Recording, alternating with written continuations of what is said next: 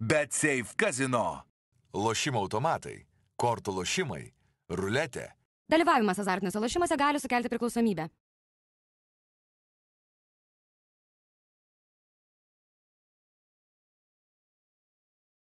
Laukiamiausias metų išpardavimas Black Friday jau topo centre. Samsung Galaxy Watch 4 laikrodžiai tik nuo 129 eurų. Galaxy Flip 3 telefonas tik 649 eurai. O Galaxy S22 telefonas tik 759 eurai.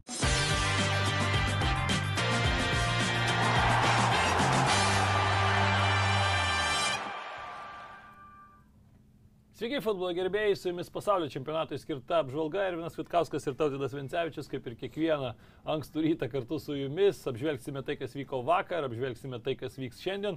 Ir tikrai yra labai daug karštų vietų, bet karščiausia šiuo metu turbūt, kad yra Saudo Arabijoje, kurioje šiandien yra paskelbta nedarbo diena, vyrukai nuo ryto turbūt atsikėlė kilnoja tikrai, kad ne nealkoholinį Kalsbergą, o kažką turbūt rimčiau, bet e, yra ką švesti tikrai šiai, šiai šaliai. Aš manau, kad na, nemiegojo visa šalis tikrai, nes tokią pergalę pasiekti, na jau kas, kas, bet ir vakar kalbėjom apie tai, kad na, šios rungtynės tikriausiai bus tokios na, neįdomiausios, daugiausiai įvarčių ir, ir visi tie įvarčiai kris į vienus vartus ir jau net pradėjom kalbėti apie tai, kad iš Azijos reiktų peržiūrėti kvotas ir atimti gal kai, kai kuriuos kelialapius į, į pasaulio čempionatą, geriau Europai duoda daugiau kelialapių, bet na, Kažkur taip žiūri, žiūri ir nesupranti, ką ten žiūri, kai žaidė Argentina su Saudo Arabija. Tikrai, na, pirmas kelnys buvo toks, kad, na, matėsi iš argentiniečių, kad, na, kiek norėsim, tiek primušim. Na, Maždaug, ką, ką norėsim, tą padarysim. Bet po to, kai tu, na, taip, va taip pagalvoji, tai po to ir turi. Gavo dvi porcijas atgal ir, ir, ir prašau. Ir, ir, sakau, trūksta žodžių kalbėti apie tas rungtynės, jas reikėjo žiūrėti, žiūrėti ir dar ką žiūrėti, žiūrėti atsisukinėti įvarčius, atsi- atsisukinėti, kaip jie džiaugiasi, kaip kovoja dėl vieno kamuro, kalbu apie Saudo Arabijos futbolininkus. Ir pasižiūrėti ir pasimokyti iš Argentinos. Beje, kalbėsime apie tai, kai kurie viena rinktinė ir pasimokė būtent iš Argentinos nesėkmės. Mm, Saudo Arabijos e, netgi ir žurnalistai, kai kurie ten irgi akcentavo, kad e, kalbėdami su ten ir anglų žurnalistais ir kitais europiečiais, kad sako, na, visi, visiems klausimas buvo, na tai kas dabar bus?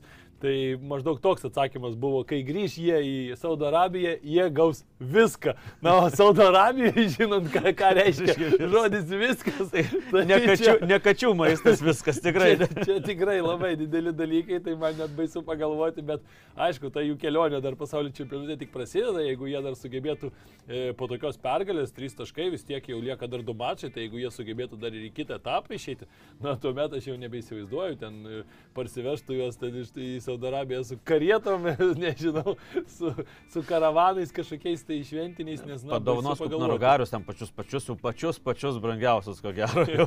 Čia kai Europoje su atviru autobusu važinėjai su trofėjais, tai jie su narugariais per visą Saudo Arabiją.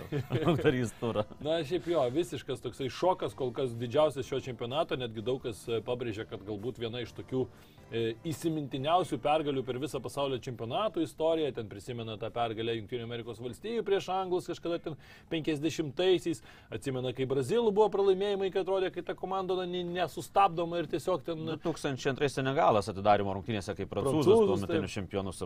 Irgi niekas nesitikėjo Senegalo, kokia komanda susirinko ir tada 1-0, tai irgi viena tokia iš įspūdingesnių, bet, bet šita taip, nu, man atrodo, na, niekas pasaulyje nesitikėjo, to pačioje Saudo Arabijoje, man atrodo, kad ėjo prie televizoriaus ir žiūrėjo ir galvojo, kad tik ne porcija, kad tik ne porcija būtų. Tai vat, prašau. Tai netgi mūsų kolega Marius Bagdonas, kuris yra Katare, irgi rašė savo straipsnėje, kad sako, prieš rungtynės, kai keliavom e, vienos ir vienos ir kitos komandos fanai ten šnekučiuojasi draugiškai, argentiniečiai rodo, kad čia tris, mes jums keturis, Saudo Arabijos, e, jis ir gali nelabai ir kažką gali pa- pakomentuoti, sako, nu, turbūt, bet po rungtynių visai kita emocija, po rungtynių matėm ten ir Saudo Arabijos e, ir gali ieškojo Messi, klausė, kur jisai yra, ar čia atvažiavo, ar neatvažiavo, nes aikštėje nematė, nors įvartį įmušė Messi, bet reikia pasakyti, kad apskritai, na, vertinant visą kontekstą tų rungtynių, e, taip, Argentina pirmavo pirmajame kelinyje 1-0, atrodė, kad tikrai jau ten tas antras įvartis kažkada bus įkris ir įkrito porą kartų, bet ir nuošlės situacijos, matėm, tikrai reikia pagirti, aišku, Saudo Arabiją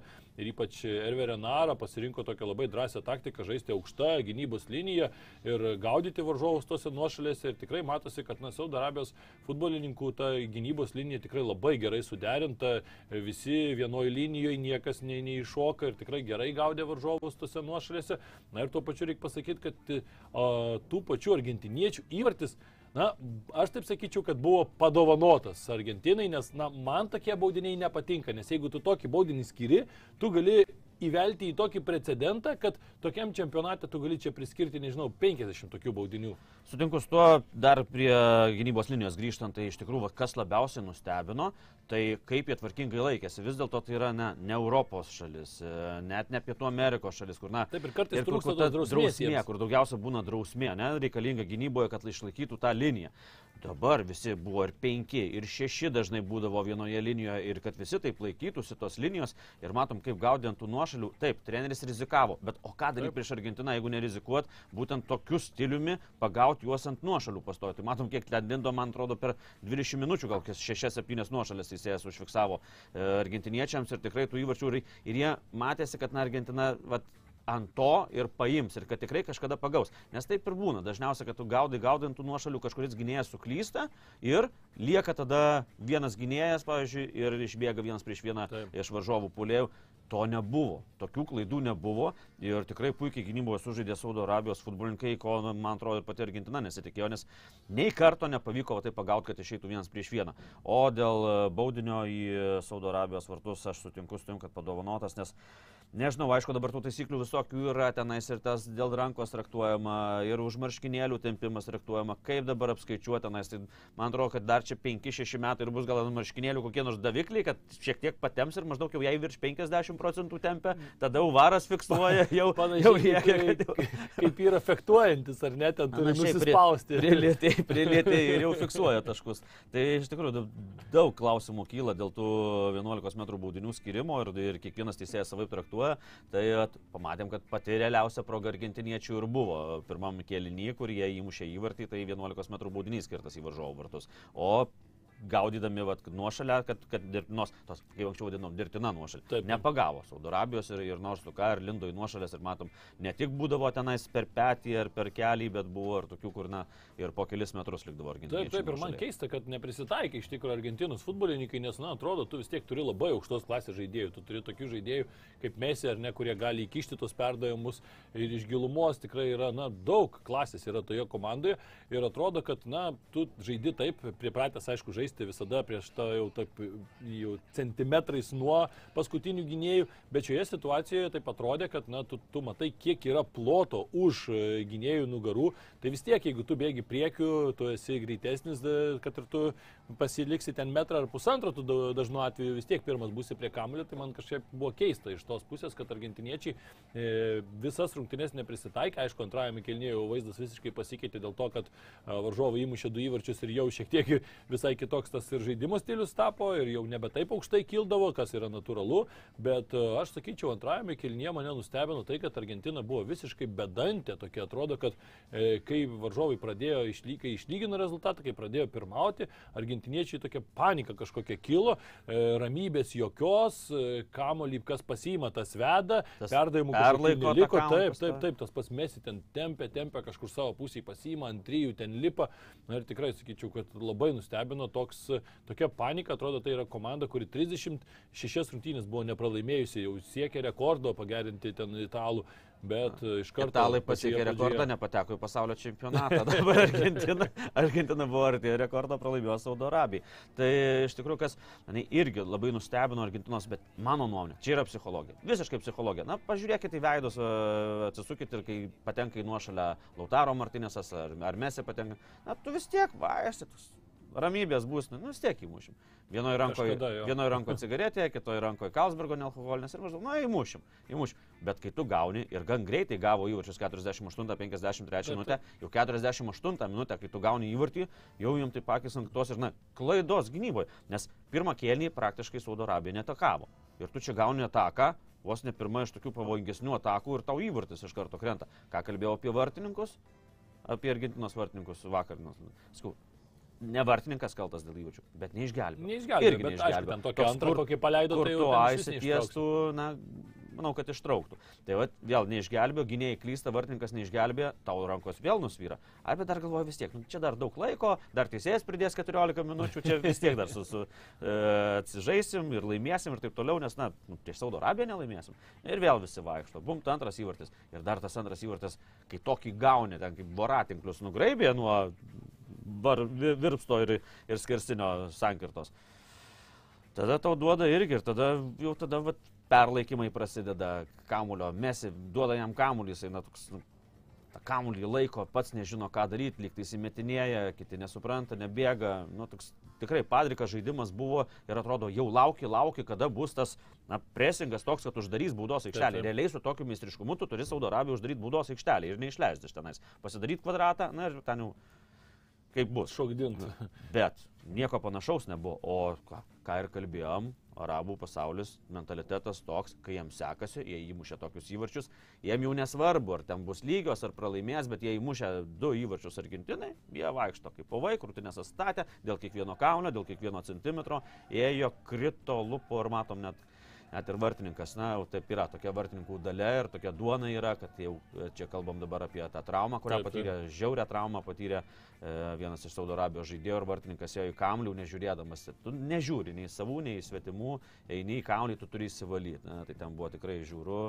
Ir, ir, bet matom, kokia buvo kova iš jų pusės, ko nebuvo nei 25 procentų tokios pačios kovos iš Argentinos.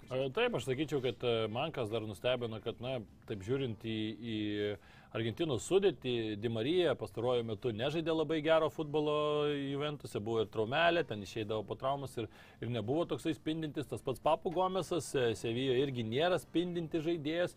Ir kai tu suleidi tokius tris futbolininkus, kurie jau nėra savo karjeros pikė, nebėra tokie greiti, tokie staigus, kokie būdavo anksčiau.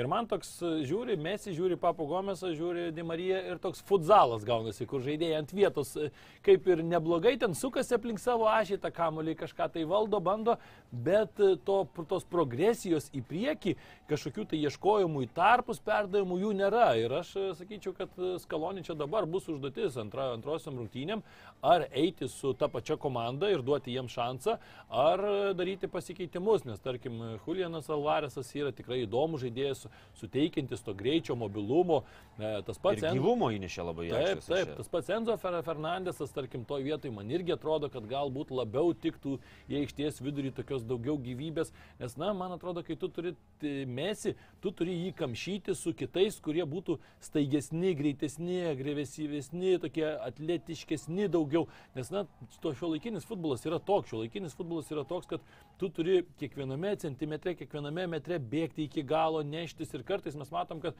galbūt kai kurios komandos ir neturi tos tokios, tokio didelio meistriškumo, bet jeigu jie turi tą fizinę kondiciją didžiulį, jeigu turi tuos žaidėjus, kurie gali atlikti tą didžiulę darbo apimtį, na tiesiog jie gali apibėgti elementariai varžovus. Ir, ir yra tokių komandų, kurios, na, iš esmės ir paremtos to tokia fizinė jėga ir jos tikrai pasiekia pakankamai nemažai ir ypač jeigu, na, tas toksai skirtumas tampa didžiulis, kai tu turi tokius tris žaidėjus, va, apie kuriuos aš ir kalbėjau, tai, na, matysim, ką nuspręs Kalonė. Aišku, turbūt pozityvi žinia Kalonė yra tai, kad uh, tiek Lenkai, tiek Meksikiečiai tikrai irgi nedemonstruoja gero futbolo, prie to mačo dar prieisim. Ir turbūt, kad, na, žiūrint į ateitį, taip, tu gali dar tikėtis, kad iš šios grupės dar išeisi, bet jeigu tu žaisi taip, jeigu tu žaisi taip, na, sakykime, kažkokią tokį demonstruojant savo tokią povyzą, neaiškia, kad čia vat, mes čia geresni ir čia apžaisim vieną koją, na tai tuomet bus tikrai sunku ir žinant e, tuo pačiu tą pačią Meksiką, tarkim, tai yra tokia irgi emocinga komanda ir meksikiečiai irgi išeis prieš Argentiną, jie galvos, kad na, mes čia galim dabar Argentiną pasiūsti namo, tapti irgi nacionaliniais didvyriais pas save Meksikoje, tai kodėl nepasinaudojus tokiu šansu? Bet e, kuo įdomi šitą grupę bus dabar kiekvienos rungtynės lemiamos. Taip. Realiai kiekvienos lemiamos. Argentinai taip pat. Ir mano nuomonė dabar Argentina taip ir mes kalbėjo po rungtynių spaudos konferencijoje, kad sakė, na dabar jau turim viskas, na susijimti, pažiūrėti klaidas ir taip toliau. Ir man atrodo, kad dabar Argentina bus du variantus, aš matau. Arba neišės iš grupės, arba žais finale. Na, mano nuomonė. Nes toks šaltas dušas tai yra tokia komanda arba ją palaidoja, arba jau taip pažadina tas šaltas dušas, kad kai iš ekitės išlendi ir tada bėgi kiek kojos neša. tai vat bus kažkas panašaus su Argentina, nes tikrai potencialų yra daug. Pirmos rungtynės gavo per vieną vietą, kaip turi būti pendelį.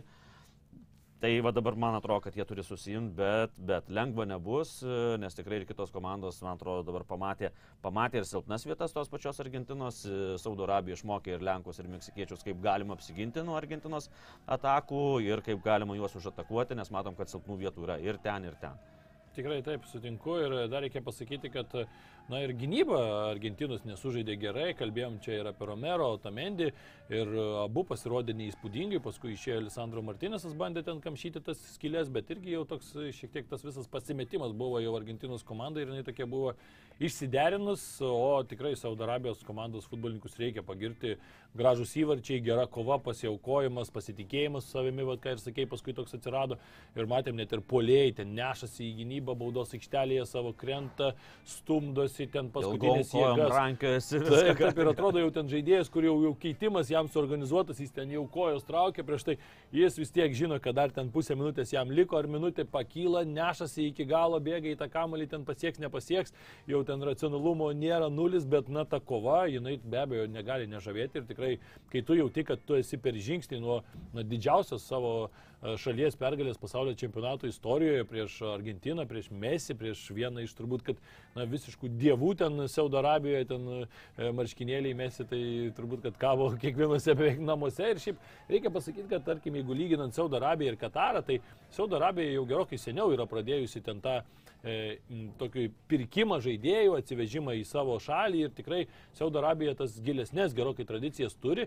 Ir daugelį metų tai yra komanda, kuri na, žaidžia pasaulio čempionatuose, gerus rezultatus pasiekia Azijoje, tai nėra kažkokie tokie visiški nikštukai ir šiaip pas juos netgi ir čempionato lygis yra pakankamai, pakankamai aukštas, aukštesnis tikrai už Kataro. Ir susidomėjimas yra didžiulis futbolo. Jeigu pavyzdžiui Saudo Arabijoje vyktų šitas pasaulio čempionatas, tai ten stadionai tikrai būtų pilni ir ten nereiktų jokių ten išgalvojimų galvotų fanų ir taip toliau, nes na, ten šalis tikrai visų pirma, aišku, gerokai didesnė nei Kataras ir tuo pačiu gerokai na, tą didesnę tradiciją futbolo. Ilgesnė, ir ilgesnė tradicija Saudo Arabija tikrai pamišusi dėl futbolo gerąją prasme ir tikrai ir, e, tai buvo šalis, dėl kurio, nu, ne vien dėl jos, bet tai buvo inicija, inicijavo FIFA tuos pakeitimus taisyklių, nes Saudo Arabija vienu metu ten norėjo na, pridalinti pilietybių ir brazilam, ir argentiniečiam, kad pritraukti savo rinktinę ir būtų stipri ta rinktinė. Tai buvo įvesta ta taisyklė, kad e, vienas gali tik tai natūraliai naturalizuotas futbolininkas žaisti rinktinėje, tai kitiems daug sunkiau pasidarė, tai nes buvo metami nemaži pinigai. Aišku, Kataras irgi tuo naudojosi pačioje pradžioje. Tai dėl jų ir, ir uždraudė, na ir žinom, Saudo Arabijoje dirba ir Lietuvos rinktinės buvęs treneris Atgras Senkauskas, tai, tai, tai tikrai, na, fut, gyveno futbolu šita šalis ir dabar šita pergalė tai dar pakels į kitą lygį, bet grįžtant prie rungtynių, dar vieną momentą norėčiau atkreipdėmėsi, vis dėlto tas mentalitetas šiek tiek na, labai neskaniai atrodė tas dalykas, kai buvo ta žiauri trauma, kai vartininkas keliu pataikė savo Taip. gynėjų į galvą ir teisėjas ilgokai nestabdė. Man keiščiausia, tai, kad teisėjas, ar jisai nematė, ar čia davė tokią teisėjas, pagarbą, ar teisėjas matė, iš dalies galbūt davė pagarbą, bet kai tu pastovi kritinėjai, kai tu imituoji traumas, kai tu pastovi vaidini, Ir vad buvo tas momentas, kai jau argentiniečiai lipo teisėjo ant galvos, kad jisai nestabdytų rungtynių dėl tokių dalykų. Ir tada, kai atsitinka labai rimtas dalykas, sulaužėme ir žandikulį, ir, ir veido ir kaulus, ir ten skubę operaciją turėjo atlikti ir taip toliau. Ir čia teisėjas vėl pagalvojęs, kad čia galbūt vėl vaidinimai vyksta, jisai nesustabdė. Čia labai didelė teisėjo klaida, iškart reikėjo stabdyti. Taip, nes čia gal pačio momento, kad, kad, kad keliu pataikė, jis nematė, kad matė, kad susidūrimas, jis matė tą momentą. Taip. Bet uh, įtariu, kad nematė, kad keliu, nes iš tikrųjų ne, per transliaciją nelabai matėsi, nes jam turėjau stot, e, tai tikrai turėjo iškart stabdyti čia, na, čia gali kelios sekundės lemti gyvybę netgi futbolininko, tai vat, bet per tą vaidinimą iki tol buvusi ir per tuos tokius, na, rytinėjimusis, gavosi taip, kad e, po to teisėjas jau po rimto įvykio ir nesustabdė žaidimo, nes matėm jau kaip ir vartininkas sureagavo, nes vartininkas geriausiai jautė, kas ten atsitiko, tai jisai, na, vartininkas eina visa jėga, visų greičių į priekį ir, na, įsivaizduokit, kaip vartininkas, na, tu, tu įstumi visą kūną. Taip, tu bėgi pats dar, visų greičių ir jisai. Ir tai keliu, ir wow. keliu pataikai į galvą, tai, na, dar ačiū Dievui, kad, kad, kad bent tai baigėsi, nes tikrai, kai parodė pakartojimą, tai atrodė. Atrodė kad... šiurpiai labai ir čempionatas faktas, kad tam žaidėjui jau yra baigtas. Keliaukim prie kito mačo šios grupės Meksika Lenkija. Pakankamai nuobodokos rungtynės atrodė ypač po to, ką matėme su, e, tarp Saudo Arabijos ir Argentinos. Lenkai tokie kažkokie vangus atrodė. Na, atrodo, kad bijojo net kažkiek eiti ir man atrodo, kad ta, aš irgi taip bijau, kad e, panaši istorija bus kaip e, Europos čempionato, kuriam paskutiniai Lenkai irgi atrodė taip labai slogiai ir juos vieną tašką surinko, krito iš karto po grupės, nes, na tikrai ir meksikiečiai nėra kažkokie tai stebuklingi. Pasižiūri į 11, net 7 žaidėjai iš e, Meksikos čempionato, vienas žaidėjas iš MLS, o aišku, Herrera yra žaidęs ir Atletiko, ir Porto, bet na jau vis tiek dabar rungtyniauja, kai rungtyniauja jau Houstono Dinamo, tai be abejo ne, ne dėl to, kad e, nenori žaisti Madrido Atletiko, bet dėl to, kad turbūt nebegalėjau žaisti tame lygyje. E, tai sakyčiau, kad na, nuvylė mane tikrai Lenkų pasirodymas. Aišku, pergalę galėjo iškovoti, bet Lewandowskis e, neišsprendė 11 m baudinio ir čia irgi sakyčiau, kad na, Lewandowskis dažnai mes taip aukštinam jį, kad yra vienas geriausių pasaulio polėjų, bet e, Lenkijos rinktinėje va, ta atranka jisai gerai dažniausiai eina, bet tuose didžiuosiuose turnyruose na, nesužaidžia kol kas. Taip ir lieka neįmušęs pasaulio čempionate, na, bet tos rungtynės taip susiklostė dviejopas įspūdis apie jas, nes e, ir vieni, ir kiti ir Lenkai nepatenkinti ir nelaimingi, kad neiškovojo pergalės, bet ir meksikiečiai nelaimingi, Nes kad neiškovojo pergalės, nes geriau žaidė ir tokių pavojingesnių progų turėjo. Lenkai, aišku, nepatenkinti ir nelaimingi, nes neįmušė baudinio, kur, na, tau didelis šansas smūgiuoti. Bet, man atrodo, ir tie, ir tie lieka patenkinti tuo tašku. Nes Lenkai lieka patenkinti dėl to, kad meksikiečiai geriau žaidė, Taip, o taip. meksikiečiai lieka patenkinti, nes atrėmė 11 m baudinį. Ir Očioje vartininkas pasakė, kad sako, mes ruošėmės dvi savaitės, e, nesako, mėnesį mes ruošėmės e, tam, kad gali būti e, baudinys. Ir sako, su vartininkų treneriu labai studijavom, analizavom ir taip toliau, bet savo studijuok nestudijavę, sako, pasižiūri, kiek žiūri tų būdinių. Vis tiek sako, nesupranti, kuris jisai muš. Lewandowskis, nes sako, Jisai nes labai skirtingai, Net ir taip. buvo, taip, net ir buvo parodyta ta grafika prieš, prieš baudinį, kur, kur jisai mušęs už Lenkijos rinktinę. Tai iš tikrųjų muša, muša įvairiai.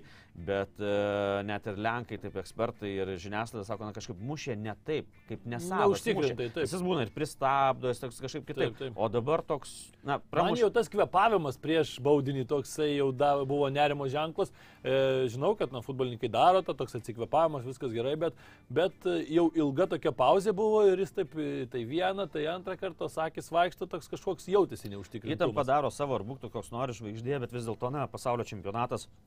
Ir pas Lewandowskis supranta, kad tai realiai vienintelė gali būti proga. Taip, visos Lenkijos akys į tave yra. Taip, taip, ir vat, matom pramušę, ir po to, kai parodė stambių planų sulėtinimą, tai manau, kad visoje Lenkijoje visi prie televizijos ekranų sulipę tą patį žodį sakė. Iš karidės. Paskutinį, a, nekartosim. ir dar, ir dar toliau, kiek įmanoma buvo perskaityti iš lūpų Lewandowskio. Čia serbiškai, o ten jau to.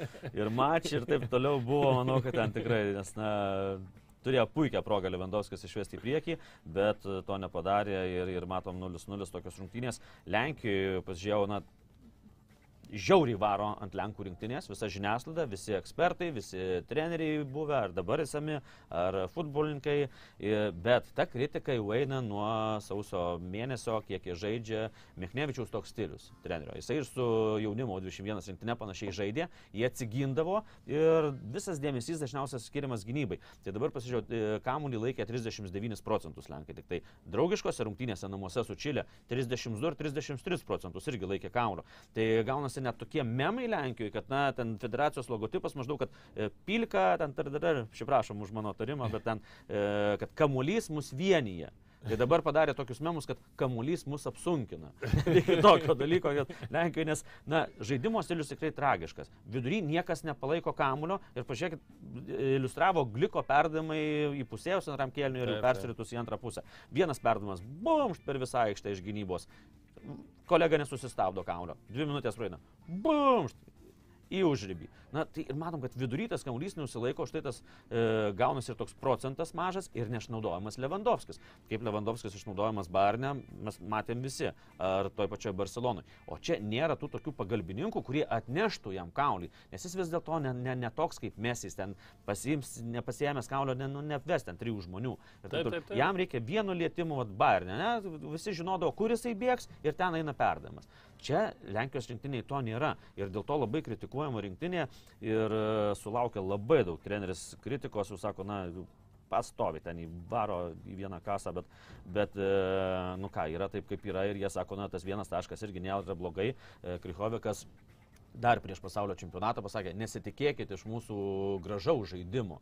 Tai jie, na, maždaug taip nurašo, kad vat, vat taip jie žaidžia ir ką daryti. Na, tai sakė, dabar irgi memai eina Lenkijos ir kad, na, vėlgi, Krikoviko tipo spaudos konferencijos, nesitikėkit gražaus žaidimo, tai va, nieks jo ir nesitikė, nes e, tas Pazilinskis, na, kaip jis klube žaidžia, o čia visiškai neišnaudoja. Na taip, visai Tai- kitoks Napolio žaidimo stilius ten yra visai kitoks, jie būtent žaidžia su kamoliu, daug dinamikos ir taip toliau. Judėjimo. vat Lenkijos, jo kaip kartais nesimato, ypač tos taip.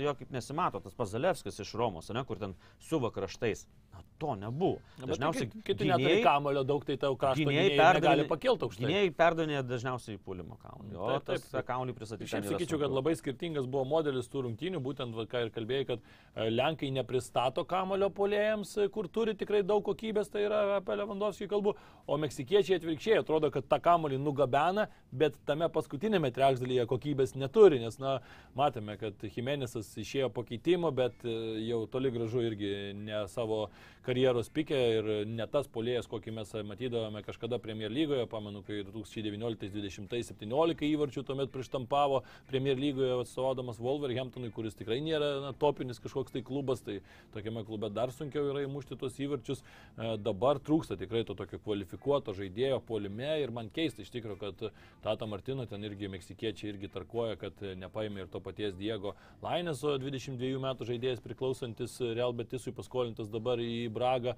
E, tuo pačiu kalba ir gal, kad net ir Čičarito galbūt galėjo paimti, vis tiek 34 metų polėjas, patyrė, žaidęs e, aukščiausiame Europos lygyje, ten virš 50 įvarčių primušęs už Meksiką.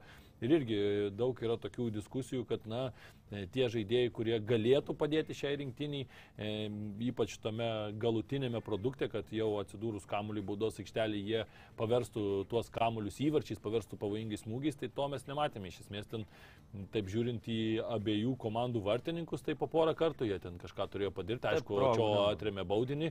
Faktas čia yra, na, toksai jau... Jau labai- ketvirtas atremtas baudinys e, už Meksikos rinktinę pasikarėjo. Tai tikrai neblogas rezultatas. Taip, ir aišku, Očio tai giriamas yra, nes tai yra na, visiška Meksikos rinktinis legenda. Ir e, Očio yra ta žaidėjas, kuris spindi pastoviai, kai yra tie di- didieji turnyrai. Kai baigėsi turnyras, nuvažiuoja į klubą ir dažniausiai būna antras vartininkas kažkur tai, bet e, kai ateina pasaulio čempionatas, ten atrodo išsitraukia tas pirštinis, užsideda ir pavirsta kažkokiu su- supermenu. Iš tikrųjų, jisai, aš, jisai žaidžia tik už rinktinę ir dar kaip žaidžia, kad visą laiką jisai spindi. Na, o Tata, ką tu minėjai, tai na, Tata dar prieš pasaulio čempionatą pasakė, aš esu nekenčiamiausias žmogus Meksikoje. Tai, sakė, vienu žodžiu. Kol kas niekas nesikeičia, bet aišku, meksikiečiai šansų turi, ta grupė tikrai įdomi. Keliaukim į D grupę, kur a, pradėkim nuo pasaulio čempionų. Prancūzai 4-1 nugalėjo Australiją.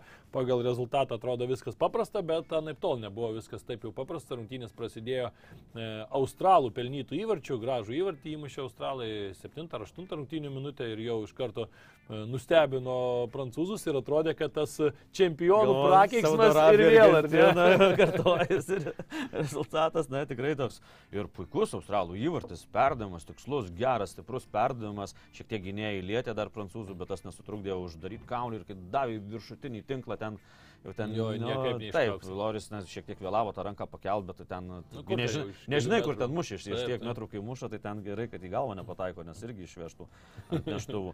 tai, tai tikrai puikus įvartis, ir, bet jis tapo toks, na, vat, šaltų dušu, kurį... Pabudino, per anksti įmušė, žinai, pabudino. reik- reikia tokius mušti 88, o ne 8. Taip. Aš manau, kad nespėtų pabūs tada ir iš lovos išlipti. Tai Pavaras ką pasakė po rungtynių, tai sakė, mes matėm, kokių sunkumų turėjo Argentina ir nenorėjom kartuoti šitų klaidų. Tai matėm, kad prancūzai tikrai na, pasimokė iš Argentinos nesėkmės ir gan greitai jie tenas atsigavo ir pradėjo tas atakas, kur, na ir Dešamas sako, sako, na mes turėjom pražiūrėti tikrai, sako, dvi ar tris, sako, geras atakas, jų neišnaudojom ir sako, tas įvartis, sako, toks buvo netikėtas, bet sako, dėkui vyrams, kurie, na, susijėmė, sako, tas mobilizavo visus ir, sako, tada pradėjom dar geriau žaisti ir jau ne, ne, net laikė tų atakų, o kaip atakavo prancūzai, tai čia buvo kažkas tokio, na, fantastika. Gražu, žiūrėjau, gražu į prancūzų žaidimą. Nes e, ko argentiniečiai neišnaudojo, nes irgi gan australų ta linija buvo gan aukštai, ne? bet ką jie padaro, ten argentiniečiai metai. Bet matai, kai turim nuošalę. su Dembelė, kurie ten tais kraštais nusimeta kamuolį ir tai bėga, kad nepagausi ir su motociklu, tai 38, 37 ar 39 metais Europos krepšinio čempionatas, kai vyko ir Latvija gavo nuo Lietuvos, sako, kad negali žaisti e, ten didesni negu 1,90 m ar 2 m ir taip, toliau. Tai man atrodo, su motociklais irgi reiktų uždrausti žaisti futbolininkam pasaulio čempionatuose. Tai va tas ir yra, jie tuos kraštus išnaudoja liniją. Bapė stovi ten 2-3 metrai kitos linijos. Nu ir kas ten jam tai 2-3 metrai? Jis prasimeta tą kamulį ir ant motociklo nurūko, tada jau vidurio gynėjai irgi jam dar reikia atsisukti ir bėgti. O pranašumą prancūzų puliai tai turi, nes varžovas stovi nugarą. Jie tada bėga, Bapė jau žiūrėk prie galinės linijos, jau nuošalių jokių nėra. Perdavimas, kersas perdavimas į būdos aikštelę ir ten, prašau. Tai beveik visi įvarčiai panašus, vos ne vienodi. Taip, Lygiai taip pat. Nes ir Bapė, tu, tu nežinai, jisai mesis, nemesis jisai, jisai Bapė, Ilianas, bet ar prasimes kamulį, ne, jisai, o jis kartais sustoja, fintų padaro ir taip toliau, tu nežinai, ką jisai darys. Ir va, tas jo prasiveržimas kraštais neveltus buvo šimtas geriausių rungtynių žaidėjų. Būtent jis visą tą žaidimą ir darė. Iš kitos pusės, taip, Dembelė dar, kur irgi motociklas šiek tiek mažiau ten tų kubų variklį, bet, bet irgi užtenka. Ir, nu, nieko, australai, nu, tikrai neblogai atrodo gynėsi, nu, stengiasi, kiek galėjo kovojo, bet, nu, ką tu Na, kiek tas jų lygis leidžia, taip, aišku, nes taip, tikrai pagal savo galimybes. žiūrint e, taip į sąrašą, tai man atrodo turbūt silpnesnės australų rinktinės aš nelabai esu matęs e, per tuos laikus, kai, kai jie žaidžia pasaulio čempionatuose, nes anksčiau tikrai turėdavo tų žvaigždžių, žvaigždučių kažkokių tai augančių futbolininkų dabar.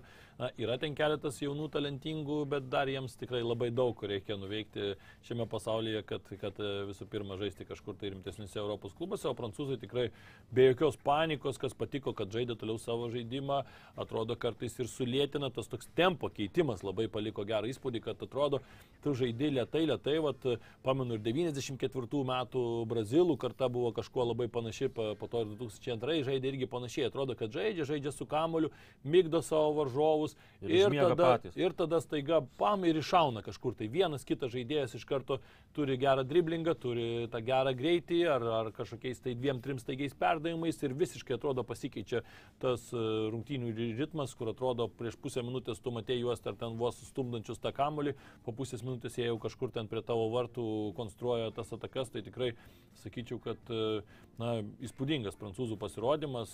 Adrianas Rabio puikiai sužaidė, Pogba vietoje žaidžia jisai, puikiai pakeitė, gražus Pag- įvartis. Pagaliau paskui- ne mama lemia jo karjerą. Taip, taip, Kaip agentė, o pats jau pradėjo mušti Būtent, įvarčius. na ir penki įvarčiai ir šį sezoną jau ir e, buvo pelnyti už Turino įventų žaidžiant, tai tikrai matom, na, toksai netikėtas, nesakyčiau, šio žaidėjo rezultatyvumas. Ir matom, tai yra futbolininkas irgi, kuris kai jaučia, kad jisai yra svarbus žaidėjas, kad jisai yra vos nekertinis žaidėjas toje rinktinėje, nes ten į tą vidurio saugų poziciją nelabai daugiau kažką ir yra, nes daug yra nuostolių pas prancūzus, tai ai, matosi tas pasitikėjimas yra visai kitoks. Aišku, didžiulė netektis yra Prancūzijai dar viena. Lukas Hernandesas nusitraukė kryžmin, priekinį kryžminio raištį ir jau ne tik čempionatas, bet ir visas sezonas jam e, baigtas, bet, na, Teo brolis įėjo į tą pačią poziciją ir netgi sakyčiau, kad ir tikrai, man atrodo, tai yra žaidėjas, kuris gi daugiau gali duoti tame kairiajame krašte, nes jis daug daugiau atakuojantis. Galbūt pradžiai Dešamas mėgsta žaisti su, na, tokiu pragmatišką tą futbolą ir pavarą ten padaręs krašto gynėjų ir matom ir kundė išleidžia irgi į kraštą, nors jisai toks irgi labiau vidurio e, gynėjas.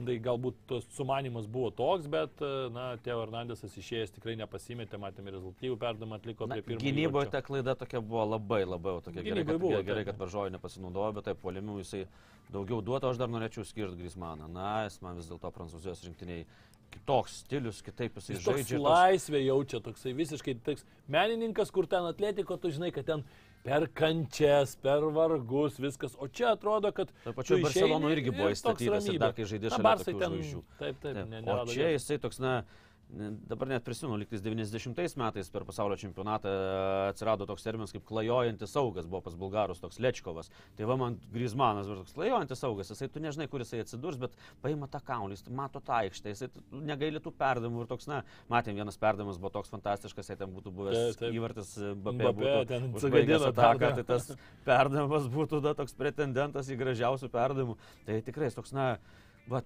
klajojantis saugas, kuris, na, gali padaryti bet ką, gali perdavimą kišti, gali vėl kažkur. Nereikia skubėti, jisai pakels galvo, pažiūrės, at- ats- atsižais atgal, vėl ataką pradedi, pakeis kraštą, na, tikrai puikiai sužaidė ir taip toliau, tai, na, prancūzai tikrai puikų žaidimą pademonstravo. Mm, Tikrai taip, aišku, Mbappé galėjo ir pirmajam kelnyje uždaryti rungtynės, ten tinklą suplėšyti norėjo iš visų jėgų muždamas, tai kitą kartą gal reikėtų paprašiau, savo vieną įvartį pelnę, aišku, daugiau progų irgi turėjo, bet neišnaudojo. E, Orleną Čiuomenį irgi reikia įskirti, tikrai atraminėje zonoje pakeitė jisai kante, bent jau šiame mače matėsi geras jo ir solidus žaidimas, aišku, varžovai nebuvo pačio aukščiausio rango, matysim ateityje, kaip seksis tą dalyką daryti. Man kažkiek e, tik tai klausimas dėl Ibrahimo Konatėtų, tokių klaidelių buvo.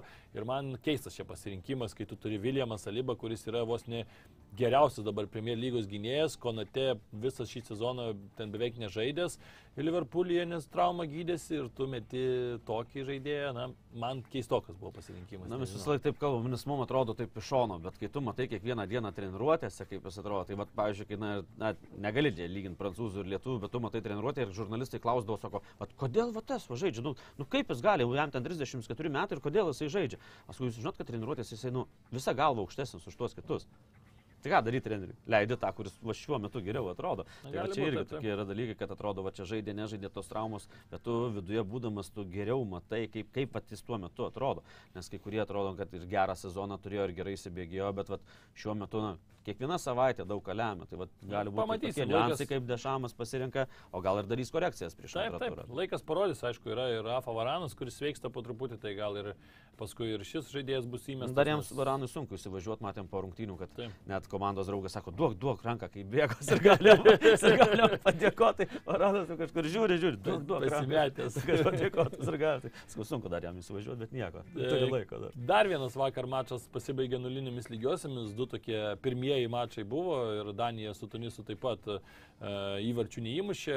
Ir šiaip irgi, sakyčiau, mačas toks, kur šiek tiek mane nuvylė Danai, bet tuo pačiu, sakyčiau, kad nustebino Tunisas, ypač rungtynių pradžioje, taip drąsiai išėjo su pasitikėjimu ir atrodė, kad net Danus kažkiek tai nustebino, kad Tunisas išėjo čia ne tik tai pabūti aikštėje, ne tik tai gintis nuo Danų atakų, bet ir patys atakuoti ir patys žaisti, nu, tokį tikrai kombinacinį neblogą futbolą, o Danai tą žaidimą pagavo tik tai šiek tiek vėliau ir to, tos tokios laisvės iš jų, kokią matėme prieš metus Europos čempionate, bent jau kol kas trūko, aišku, būna, kad komandos turnyrus pradeda, įsižaidžia, žinom, kad na, šis turnyras ir toks labai skirtingas ir tu neturėjai ten mm, keturių ar penkių draugiškų rungtynių, tie patys Saudo Arabijos, tarkim, futbolininkai, jie ten čempionatą uždarė labai anksti ten aštuonias ar devynias rungtynės sužaidė, tai gal ir tas toksai vat, ateimas į čempionatą jiems šiek tiek lengvesnis, europiečių tos komandos, kurios ką tik iš klubų suskridė žaidėjai, gali būti, kad šiek tiek vėliau gali įsižaisti iš tikrųjų. Man ko pritrūko, tai charakterio Danų gretose kažkaip, na, net toks buvo keista matyti, kad... Ko pradėjo- dažniausiai niekada netrūksta jiems. Vis dėlto Danai, skandinavai, jie dažniausiai žaidžia savo žaidimą,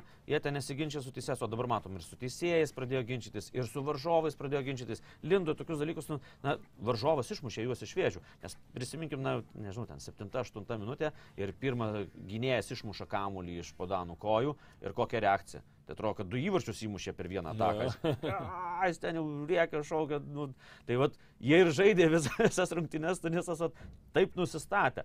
O Danai taip, na, palaiko tą kamulį. E, Erikseną vis dėlto, na, visiškai išjungti neišjungė, bet, bet, bet labai pristabdė, Na, nebuvo tam vidury, kad jisai suktų visą tą žaidimą, kas, ką, Danai yra pripratę prie jo. Ir Danams pritrūko tokio kūrybiškumo, charakterio ir matom, kad, na, dar net gal geriausią progą turėjo Tunisas, aišku, kai Šmeichelis ten iš tikrųjų puikiai sužaidė. E, Dar man pritruko apie charakterį kalbant ir to pačio Šmeichelio vadovavimo. Žinom, kad Šmeichelis, na, iš tėvo paveldėjęs ten riekia irgi neblogai ir ten stato komandą. Bet vieną ištraukė gerą, aišku, ten gal ir bet va to buvo, bet- vadovavimo trūko. Tai vat, apie tą momentą ir kalbu, kad buvo geriausia proga, ko gero, Tuniso pusėje, kur Šmeichelis ištraukė pirštų galais, puikiai išėjo, puikiai uždarė, čia grinai iš tėvo paėmęs, kad kojos į šonus. Pieteris Šmeichelis tą pirmas ir pradėjo daryti, kad kojos į šonus, rankos taip, čia kaip iš rankinio paimta toks, nes anksčiau vartininkai išeina vienas prieš vieną tai ir, ir tiesiesi, kad užimtum kuo daugiau šonų, bet Ne. pradėjo perkelinėti, puliai kažką reikėjo daryti. Tai Šmeichelis pirmas pradėjo ir dabar vat, sunus tikrai puikiai tą vat, padarė ir ranka ten ištraukė, jau sureagavo fantastiškai iš, ten iš kelių metrų ir tikrai išgelbėjo komandą. Taip, neaišku, būtų buvus nuošalė ar ne, bet, bet dabar sakom, kad išgelbėjo. Taip ir aišku, reikia pasakyti, kad e, Danai neišnaudoja, aišku, geriausio šanso šiame mače, kaip ten Andresas Kornelis neįmušė, tai sunku tiesą sakant suprasti ir e, ypač mačiau, e, gal dar kai rungtynės matai, tai vienaip tas momentas atrodo, bet kai tu pamatai nuotraukas ir ten, aišku, internete jau visi rašo, įdeda nuotrauką ir rašo, pritagink draugą, kuris neįmuštų iš čia. tai, tai, tai tikrai labai tokia juokinga situacija, nes kai matai nuotrauką, tas kamuolys visiškai šalia, tu esi per pusmetrį toli nuo vartų. Ir atrodo, kad nenusprendė, koja, galva tas toks sprendimas. O ta milisekundė Koja ir- buvo lengviau, atrodo, nei galva, ten galva. Metro tai kišant. 94, žinai, prisidengti. jo. Trijų sekundžių reikia, kol ką kamuolį pasiektų. Ir ten 70 minutė įmušky įvartį nu ir daug šansų, kad tikrai pergalė iškovos. Nes toks rungtynės buvo. Rungtynės, kad tai vieno įvarčio. Na ir tikrai, nu, tokį šansą turi ten, tai jau, na, žiauri nesėkmė tikrai, bet at, kai tu galvoji, vat, kuo mušto, kaip čia dabar, kaip priimt kamuolį, pagalvoji, žiūrėk, nesustabdėjai, ne? Kaip sugaut kamuolį, žiūrėk, jau nesugavai, tai čia lygiai tas pats. Turi tą toks pirmą mintis visada teisinga, žinai, gyvenime būna, tai čia turbūt irgi, nes jis atrodo pradžioje lyg ir koja, bet paskui galva toksai persigalva ir Na, e, liko Danai be pergalės. Būtų su ragais, būtų uždaręs. Trūko labai nedaug, pataikė į virpstą, bet na, kitam kartui paliksim, pa- paliks Danai įvarčius ir e, tikrai bus įdomu žiūrėti e, tas abi grupės, dabar ten daug neiškumo, aišku, prancūzai tą savo žingsnį žengia, bet ir australai, sakyčiau, kad e, dar prieš ypač matant, kaip pakankamai drausmingai gynėsi, nemažą laiką vis tiek prancūzai yra prancūzai, bet prieš kitas komandas manau, kad irgi gali, aišku, bus labai sunku, bet bent jau taip drausmingai žaisdami gali sulaukti savo šansų. O toliau, tęsiant mūsų laidą, perėsime į įdomybių rubriką, bet prieš tai norime padėkoti Gvidui Donskiui, kuris tapo mūsų kanalo rėmėjų. Na ir taip pat keliaujame į trumpą reklamą, o to jau sugrįšime. BetSafe kazino. Lošimo automatai, kortų lošimai, ruletė. Dalyvavimas azartiniuose lošimuose gali sukelti priklausomybę.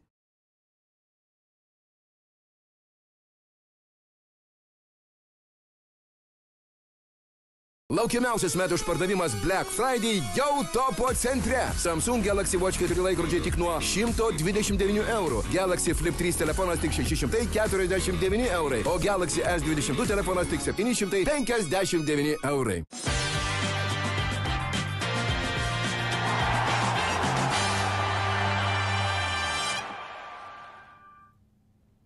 Taigi sugrįžtame į pasaulio čempionato apžvalgą. Cristiano Ronaldo tapo laisvuoju agentu. Nežaidė dar portugalai, bet tikrai žais ir Cristiano Ronaldo irgi bus šios komandos dalimi, bet naujiena, na, tokia, kurios galbūt ir galima buvo laukti, bet e, galvojom, kad kažkiek užtruks, bet viskas susitvarkė labai greitai. Tas pasirašytas abipusis susitarimas ir Cristiano Ronaldo e, kontraktas su Manchester United nutrauktas. Ko, kur dabar Cristiano Ronaldo? E, Chelsea, Sportingas, Madrido Realas ar MLS? Aš jau nematau kito varianto kaip sportingas, o kad e, to laukiam, kaip tu sakai, tai tikrai laukiam, nes na, klubo iš karto buvo tokie žingsniai, kad na, uždažė ir visus ten plakatus Old Trafford'e ir taip toliau, kur, Nuplėšė kur visu matėsi. Cristiano Ronaldo.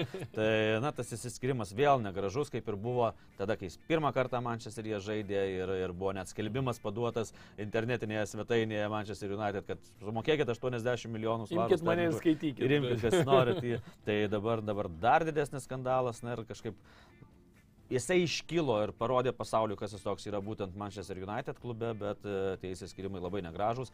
Ir aš matau vienintelį variantą, tai yra sportingas, nes na, ir pats turėtų suprasti, kad jau tokios formos, taip jis nori čempionų lygoje dar tęsti karjerą, bet na, kas dabar čempionų lygos klubų įims, aš labai tuo abejoju, nes na, mato, kad jis ne tik jau neduoda tiek aikštėje, neduoda to, ko iš nuo jo tikimasi, na, bet jau ir rūbinėje. Jisai netgi... Na, reikia susitaikyti jau turbūt, kad tu esi nebe 90 minučių žaidėjas ir ne, ne aukščiausiame tame Jis lygyje. Ir va čia va klausimas, ar susitaikys, aišku, Chelsea rodo tą lyg tai kažkokį tai norą, ten aišku, klausimas, kiek labiau rodo naujieji savininkai, kurie irgi yra iš tos aplinkos, kurie, kuriems reikia e, statyti savo ir brandą, ne tik tai klubą ir ne tik žaidimą aikštėje. Tai, na, Chelsea, matant, aišku, problemas irgi atakoje galbūt e, kažkuriuose laikotarpiuose ir padėtų, bet vėl reikia į komandą įeiti ir taip toliau.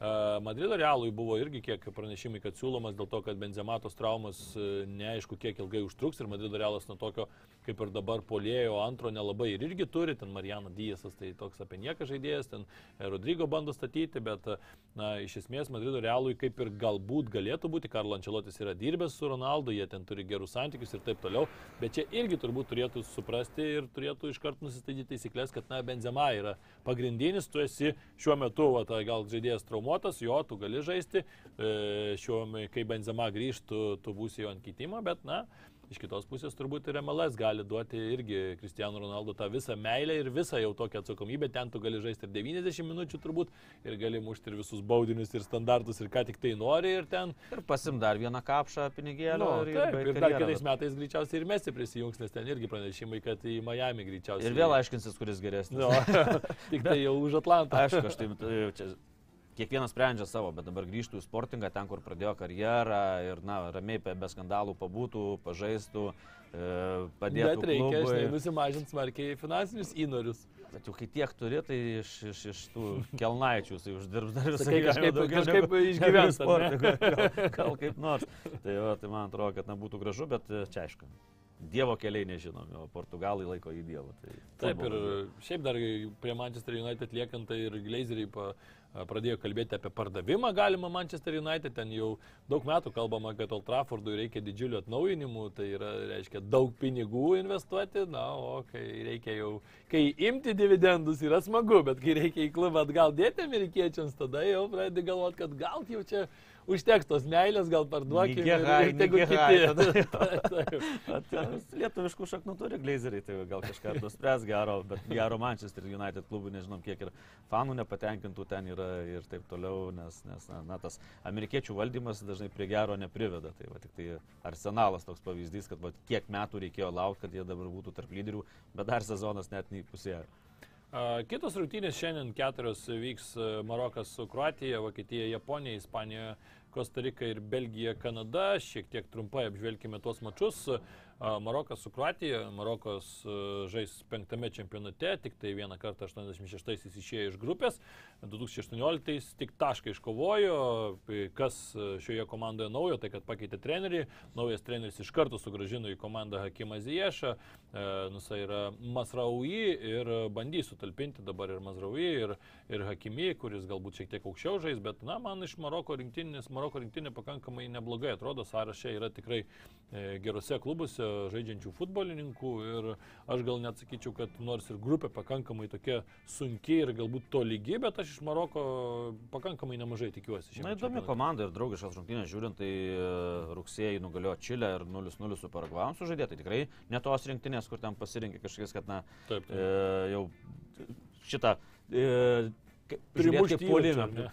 Ir 3-0 Sakartvelą nugalėjo dabar jau lapkričio mėnesį, tai tikrai domina ir dar priklauso toks na, Afrikos žemynų istorinis pasiekimas. 86 metais Marokas tapo pirmąją Afrikos rinktinę, kuri įvykė grupės etapą, bet paskutinį kartą, kai pergalę iškovojo 98 metais, tai kai kas dar kaip e, Hakiminė buvo gimę, dar tada, nes birželio mėnesį buvo Hakiminė gimė lapkritį, tai matom, kad na, tų pergalių nėra daug pasaulio čempionatuose, bet šį kartą toks, na, aišku, grupė žiauriai sunki, kad čia nukeliauti toliau, bet, bet gali pasispardyti su visais tikrai. Tikrai taip. Kroatai pasaulio vicečempionai, bet įdomu tai, kad gerus čempionatus kroatai sužaidė tada, kai prancūzai laimi. Tai priklausys nuo prancūzų labai smarkiai, nes 98, kai prancūzai tapo pasaulio čempionais, kroatai užėmė trečią vietą tuomet pusfinalį, būtent prancūzams pralaimėjo.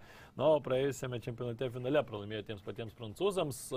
A, Pagrindinė jėga, tai aš sakyčiau, kad Brozovičius, Kovačičius ir Modričius, tas saugų trijo, jis yra tikrai grėsmingas, galingas ir papuoštų net ir turbūt geriausių Europos klubų, bet kurių e, tą vienuoliktuką, bet e, žiūrint į pačią sudėtį, na, trūksta tokios gyvybės, jaunatviškumo, gynėjai jau irgi tokie Lovrenas e, jau ten 34, e, pasenę tikrai Domogojus Vida irgi jau į, į pabaigą. Yra, aišku, jaunų žaidėjų, bet žiūrėsim, ar jais pasitikės Latko Daličius, ar eis su tais pačiais, kas, kas nutempė jį iki finalo praėjusį kartą. Polime irgi na, tokios jaun, jaunatvės ir, ir gyvybiškumo šiek tiek trūksta. Tai aš... Iš- Perisičius, Pašaličius irgi, kur, na, tokius vaidmenis vaidina Taip. Kroatijos rinktinė, o dažniausiai Kroatai būna, kad jie dar geriau sužaidžia už rinktinę, na, kaip ir Balkanų šalių atstovai, negu už klubus, na, aišku, skyrus, skyrus galbūt Modričių. Ir įdomus faktas, kad, na, iš finale žaidusių prieš ketverius metus net 12 žaidėjų atsivežė į, į šį pasaulio čempionatą. Tai daug ką pasako apie tai, kad, na, amžius jau irgi daro savo Kroatijos rinktinėje ir tas pats Modričius 155 rungtynės už Kroatijos rinktinę ir iš, iš europiečių dabar žaidžiančių pasaulio čempionate tai nusileidžia tik tai Cristiano Ronaldo Modričius. Tai tikrai, jau- jau jam tai tikrai paskutinė giesmė Kroatijos rinktiniai. Ten paskui- ten, Daugeliui, man atrodo, kad tai jau taip atsinaujins ta Kroatų rinktinė po šio čempionato, kad, kad, kad nepažinsim po to po ketverių metų. Japonija prieš Vokietiją šiandien taip pat susitiks ir vokiečiai tai yra keturis kartus e, pasaulio čempionai, nuo 2002 iki 2014 keturis tuos čempionatus iš eilės žaidė pusfinaliuose bent jau. Ir paskutinį kartą, bet e, juos ištiko tas prakeiksmas ir 2018 metais iš grupės neiškeliavo. Lerojus Sane dar yra pranešimai, kad e, traumelę gydosi ir šiame mače greičiausiai nežais. Bet e, jau kilintą kartą praneša, kad nežais, na aišku, vokiečiai galbūt nemeluos, bet kiek jų matėm žaidėjų, kurie vis praneša, ne, nežais, už tos rungtynės tikrai nežais. Gudrybės Ir po to išeina.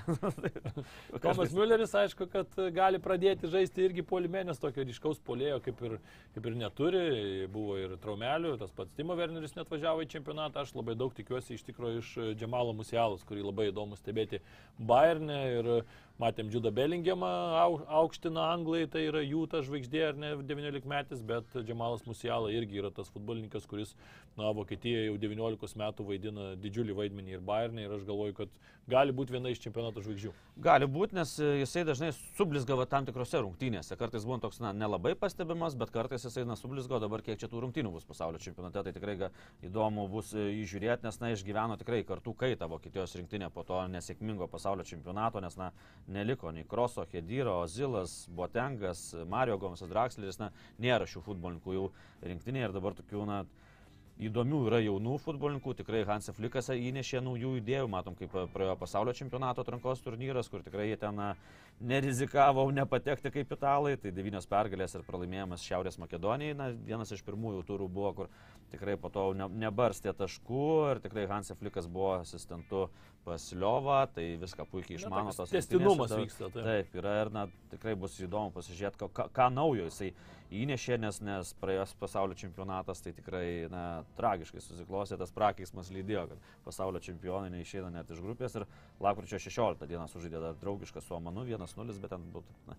eksperimentuojama sudėtim ir pasižiūrėti, kaip, kaip kas atrodo šiuo metu. Taip, Japonai, septintas jiems pasaulio čempionatas iš eilės, bet e, labai taisyklingai žaidžia. Viename čempionate patenka iš grupės, kitame lieka grupėje patenka, tai dabar atėjo tas laikas, kai reikia patekti, kai reikia nepatekti, o likti grupėje. Ir aš manau, kad vokiečiai su ispanais tuo mielai pasirūpins turbūt šioje grupėje, nes na tokia labai atskirtis matoma, ar ne, Vokietija, Ispanija E grupėje ir tuomet Kostarika, Japonija ir na, labai sunku tikėtis, kad tos mažesnės komandos kažką čia sugebės tiems grandams prieš pastatyti. Aišku, Japonų karta tikrai nebloga, tokia Himero Tomijasu žaidžia Arsenale, Takumi Minamino Monake, tokia Fusa Kubo rungtyniauja Real Sociedadė, atsiminame tikrai žaidėjas, kuris buvo Barsos akademijoje, paskui perėjo į Realą taip skambiai, bet ten įsitvirtino, buvo skolinamas, dabar jau Real Sociedadė rungtyniauja. Daičiai Kamada, vienas iš Eintrachto lyderių, kurie laimėjo pernai Europos lygą. Ir taip pat šį sezoną labai neblogai Premier lygoje atsiskleidęs Brightonė yra Kaoru Mitoma. Tai tų jaunų futbolininkų įdomių tikrai Japonijos komanda yra užsiauginusi, bet kaip ir sakiau, na, grupė tokia, kad čia labai šansų labai mažai. Aišku, ir legendos tokios atvažiavo, japonų legendos. Taip, taip. Juta Nagamoto 36 metai ir jau 138 rungtynės už rinktinę Majo, jo šida 122 rungtynės.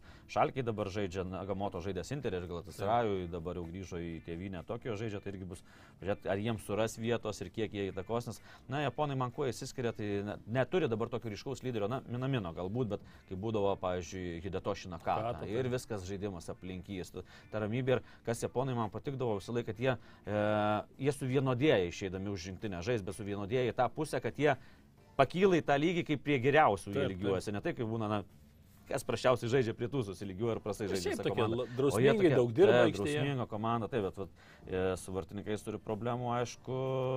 Vartininkas, na, pagrindiniu dabar stato Danielį Šmitą, kurio tikrasis pavadinimas. Tai, visas pilnas vardas Danielis Judži Jabaki Šmitas. tai yra amerikiečio ir japonė šeimoje gimęs Amerikoje vartininkas, kuris žaidžia Satrūdinę Belgijoje, na, bet, bet vis dėlto bus sunku, ypač žaidžiant su tokiais varžovais e, kaip vokiečiai ir su ispanais grupiai. Tai, tai manau, kad na ir draugiškos rungtynės. E, rugsėjį jie žaidė dvies rungtynės, tai laimėjo prieš Junktinės valstijas 2-0, 0-0 su Ekvadoru ir lapkritį pralaimėjo 1-2 Kanadai. Tai matoma, su to, tos regiono šalis pasirinko draugiškoms rungtynėms. Na, bus įdomu pažiūrėti tuos japonus, nes vis dėlto tai visai kitoks žaidimas ir su vokiečiais, kas dar įdomu, kad uh, net aštuoni Japonai žaidžia Vokietijoje.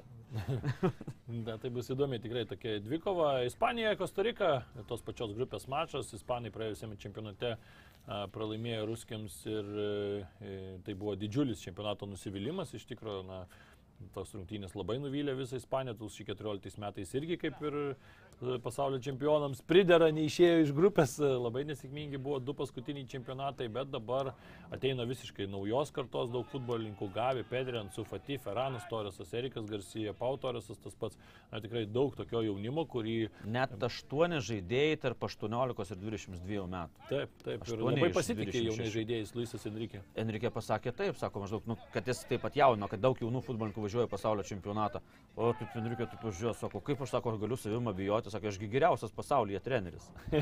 tai liko be žado, žurnalistai daugiau neturėjo ką paklausti apie tą jaudinimą. Na, Nes taip. likęs iš 2010 pergalingo čempionato, tai likęs Busketsas, kuris na, jau Taip, 34 metų ir 137 rungtynės. Yra Karvahalis, yra Žordė Alba. Virš iš tų- 30 metų, taip, Taip. kokie Moratas, Arabija po 30, Spilikueta, Alba 33. Yra, yra Karvahalis vyrukų, kurie tai yra, va, matė. Tie, tie dar futbolo. pakelia tą amžiaus vidurkį, bet jaunimas tokie kaip, na, kaip gavę 18 metų, tai man atrodo, kad na, bus labai įdomu pažiūrėti, kai jau dabar kris didelė atsakomybė ant jų pečių jau būtent Ispanijos rinktiniai. Na, o Kostarika tai tokia rinktinė, kuri iš esmės e, dažnai yra nelabai mėgstama kitų komandų, nes žaidžia tokį labai kietą ir kartais net purviną futbolą. Šeštas jų čempionatas, 2014 jie sugebėjo nukeliauti net iki ketvirfinalio, tai buvo na, tokia didžiausia turbūt to čempionato staigmena. E, Kaip ir minėjau, yra tų tokių veteranų, Keiloras Navasas, aišku, pagrindinė žvaigždė komandos, vartininkas. Yra Bet dar ir- vartininkas pagrindinė žvaigždė, ką žinai, ką tu laimėsi. Na taip, bet jie kartais žaidžia tokį futbolą, kad eina iki baudinių ir tuomet jau Keilaras Navasas ten kaip žuvis vandenyje.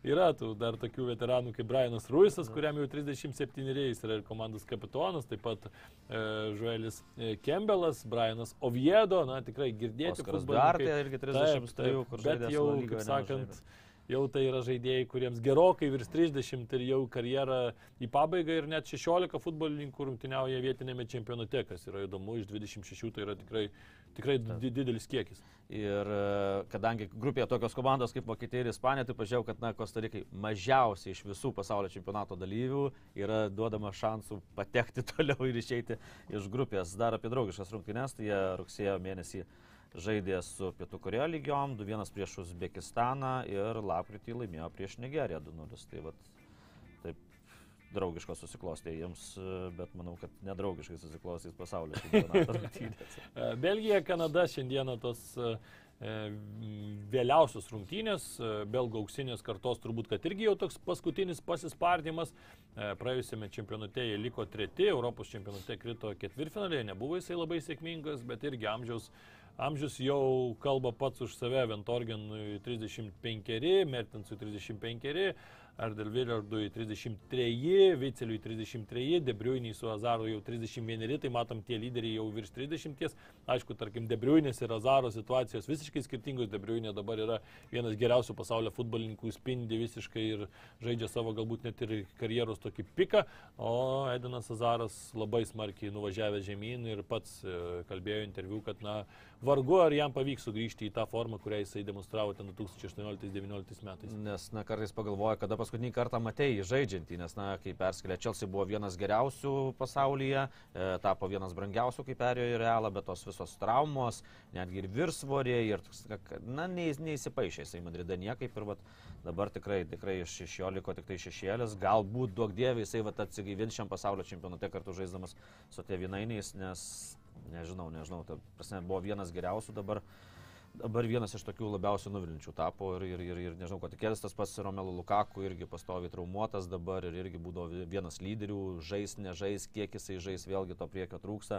Ir taip, kaip tu sakai, jau dau- daugumai virš 30 metų ir tokie jau visą laiką sakom, belgai pribrendę, pribrendę, bet tuo pačiu ir nepribrendę. Jau Tai va ta- Ta trečia vieta, taip, ta trečia vieta tikrai ir bronzos medaliai buvo geras pasiekimas, ar pavyks tą pakartot, na, didelis klaustukas, bet e, dar vienas įdomus faktas, kad nuo 86 metų, kai atsirado ir F grupė jau pasaulio čempionatuose, tai iš F grupės dar nei viena komanda nėra laimėjusi pasaulio čempionato, tai matau, kad jeigu istorija kartosis, tai Belgija taip ir nepribręsta pasaulio čempionė.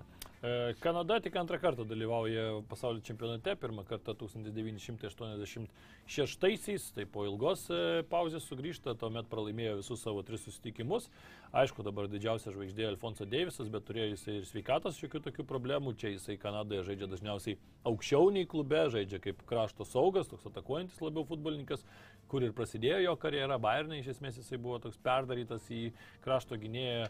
Uh, Jonathanas Davidas taip pat reikia išskirti žaidėją iš Lilio, yra įdomus irgi ir tikrai E, aukšto lygio futbolininkas, kuriam žadama gera karjera Europoje, 22 dar tik tai e, Kailas e, Larinas irgi yra įdomus futbolininkas Belgijoje rungtyniaujantis. Na ir aišku, Atiba Hutchisoną reikia įskirti, vyriausias aikštės žaidėjas pasaulio čempionate, be šiktašė dar rungtyniauja, tikrai patyręs futbolininkas. Žaidęs ir FC Kopenhagen, ir PSV, ir, ir tai 39 metai, bet tai jau. jau beveik 40 ten be poros mėnesių ir turės progą čia pasaulio čempionate sužaisti šimtasias rungtynes, 98 mačai yra jau dabar už rinktinę, na tai daugiausiai iš dabar atvažiavusių. Taip, taip daugiausiai. Vienas iš jų neturi, nes na, vis dėlto Kanada nedalyvauja tuose didžiuosiuose čempionatuose. Tai, tai ir buvo. Na ir dar neseniai matėm vieną iš Kanados futbolininkų ir Vilniuje, tai Liamas Milaras žaidė už Bazelį, tai atsakomosiuose Bazelyje žaidė visas rungtynes, o Vilniuje po keitimo pasirodė 8 18 minučių, tai at, irgi bus pažiūrėti, kiek jisai ten gaužais.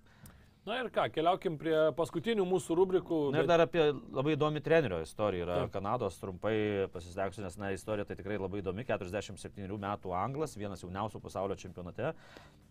Ir jisai visą laiką dirbdavo su moterų rinktinė. Moterų rinktinė. Jis išvažiavo į Naują Zelandiją, tenais kažkaip pagal programas, ten studijuoti, jisai buvo e, Sunderlando akademijoje ir taip jaunas pradėjo treniruoti, mėgėjiškai žaidė Naujojo Zelandijoje ir tapo moterų rinktinės treneriu nuo 2006 iki 2011 Naująją Zelandiją treniravo ir tenais, nu, puikus rezultatai buvo išvedė ten ir, ir nacionalinė, ir 20 jaunimo rinktinės į pasaulio čempionatus į 2008 metų Pekino olimpinės žaidynės, tada perviliojo Kanadą, nes Kanada yra na, tikrai moterų futbole Stipri, labai daug pasiekus ir ten vyrų futbolas yra šešėlį ir tūno kamputyje. Tai jisai su Kanada laimėjo bronzos medalius Londone ir Rio olimpiadose ir po to 2018 sausį paskirtas Kanados vyrų rinktinės treneriu ir pakėlė iš FIFA reitingį iš 72 į dabar 33 vietą tą rinktinę ir tapo pirmu, kuris išvedė ir moterų nacionalinę rinktinę, ir vyrų tos pačios šalies į pasaulio čempionatus. Tai vat, matom, kad tai yra tokių įdomių istorijų, kur pas ten praktiškai tik mėgėjiškai žaidęs Anglijoje ir Naujojo Zelandijoje, kokiu rezultatu pasiekė su, su trečia rinktinė - dvi moterų ir viena vyrų. Na, tikrai graži istorija. Taigi, bet Safe dienos herojaus mūsų prizai, aš tai šį kartą dviem žmonėm, abiem prancūzam norėčiau skirti. Visų pirma, Ervė Renarui už tokią pergalę padovanota, treneris, kuris, na, įspūdingai dirba su rinktinėmis, tokiamis rinktinėmis, kurios tikrai nepriskiriamos grandams, ar ne, pamename, kai su Zambija sugebėjo laimėti 2012 Afrikos čempionatą, atrodė irgi visiškas kosmosas, na, Zambija niekada negarsėjo kažkokiais tai ten turinti daug labai aukšto lygio futbolininkų ir dabar, ir po jo išėjimo ta komanda irgi, na, nėra kažkokia tai, kad siektų toliau gerus rezultatus, rodytų gerus rezultatus. Ir aišku, Olivier Žiūrų reikia duoti irgi herojaus tą titulą, nes, na, įmušė du įvarčius ir dabar jau pavyjo Thierry Henry ir gali šiame čempionate tapti ir visų laikų rezultatyviausių Prancūzijos rinktinės futbolininkų. Ne, tai būtų įspūdinga. Ne Dešamo paklausė, sako, ar neslėgs e, žiūrų dabar tas nunoras įmuš dar, kad taptų rekordininku, sako, ne, nemanau, jau sako, visko matęs, tai tikrai neturėtų slėpti. Aš bet taip geriau duodu Saudo Arabijos vartininkų Mohamedui Al-Ovaisui, kuris, na, tikrai tokiu lemiamu momentu sugebėjo išlikti ramus ir, ir, ir gelbėjo komandą ir vadovavo tai komandai, nes, na, kai tu žaidi prieš tokią komandą kaip Argentina, dažnai vartininkai, na, sudreba, sudreba, nes vis tiek jisai neturėjęs aukšto lygio tokių rungtynių patirties daug. Tai vad, e, tikrai fantastiškai išgelbėjo komandą tenais ir, ir, ir, ir tikrai vadovavo ne tik ten įspūdingai šuoliais, bet ir, ir visame kame tai tikrai nusipelno herojaus vardo, nes antrojo ten nešios ant rankų į nepaisant dar kitų dviejų rungtynių Saudo Arabijoje. Raudoną kortelę aš tai duosiu Robertui Lewandowskiui, reikia traukti komandą, reikia įmušti baudinius ir tokiuose situacijose, kai esi vienas geriausių pasaulio futbolininkų, turi komandos nepavesti. Tai ir kol kas dar, kaip ir sakėjai, be įvarčių, na tai kol kas, man sakyčiau, kad kiek gero susikūrė klube savo tą didžiulę legendą, tiek rinktinėje dažnai pagadina Robertas Lewandowskis, tai čia jam pats kata, kad kitose rungtynėse pagaliau įmuštų. Aš tai raudoną kortelę skirsiu organizatoriam pasaulio čempionato, vėl ten tų nesusipratimų pilna ir neįleido rungtynes jaunuolio, kuris nešėsi e, per Mambuko, Brazilijos provincijos vėliavą, kurioje yra vaivorykštė. Tai savo, su, ta vėliava neįleido į, į, į rungtynes, į stadioną, tai jis pradėjo filmuoti, kaip pati minėjo tą vėliavą, tai galų galę ten viskas baigėsi tuo, kad jis turėjo ištrintą įrašą, kaip jis filmavo ir jį įleido, bet be tos vėliavos. Tai vat, na, kažkokių tokių, na, visokių nesąmonių pastovi, ten pinasi, pinasi, pinasi aplinkui. Aišku, čia dabar su ta Bet tai vaivorykšte. Pavyzdžiui, pasižiūrė, jeigu Ekvadoro vėliava tokia irgi, nu, daug spalvų yra, tai gal irgi neįleisi. Tai Tai ekvadoriečių. Reikia sus, susigražinti iš vienos organizacijos tą vaivorykštę, kad nenaudotų vieni, tai ir tada... tada Danos va irgi, pavyzdžiui, spalvota, kamerūna. Nu. Nes, nes dabar, na, vaivorykštė viskas yra uždrausta Katare ir įdomu, ten pas juos lietauskai nebūna, tai jie ir nematė vaivorykštės. Tai va, va, būtent, jie nežino, kaip atrodo, Tai nes šiaip vaivorykštės spalvos nuo tų LGBT spalvų jos skiriasi, kai ten kitaip sudėliotas, bet jie nematė, nežino. Nematė, Tai- nežinau. Tai va tokia situacija, kad vis ten be skandalų kažkėlintą dieną nepraeina ir kai kuo toliau ten tęsis, neaišku. Dar. Taigi šiandien tokia buvo pasaulio čempionato, vakar tiksliau buvo tokia pasaulio čempionato diena, šiandien ji, ji bus dar kitokia, tikėkime, kad vėl tokia pati įdomi ir su dar daugiau staigmenų, o rytoj susitiksime su jumis iš pat ryto ir vėl pakalbėsime, ką matėme ir ką matysime rytoj. Iki. Kad mažiau rungtynių baigtųsi 0-0. Iki. Bet Safe Casino. Lošimo automatai, kortų lošimai, ruletė. Dalyvavimas azartiniuose lošimuose gali sukelti priklausomybę.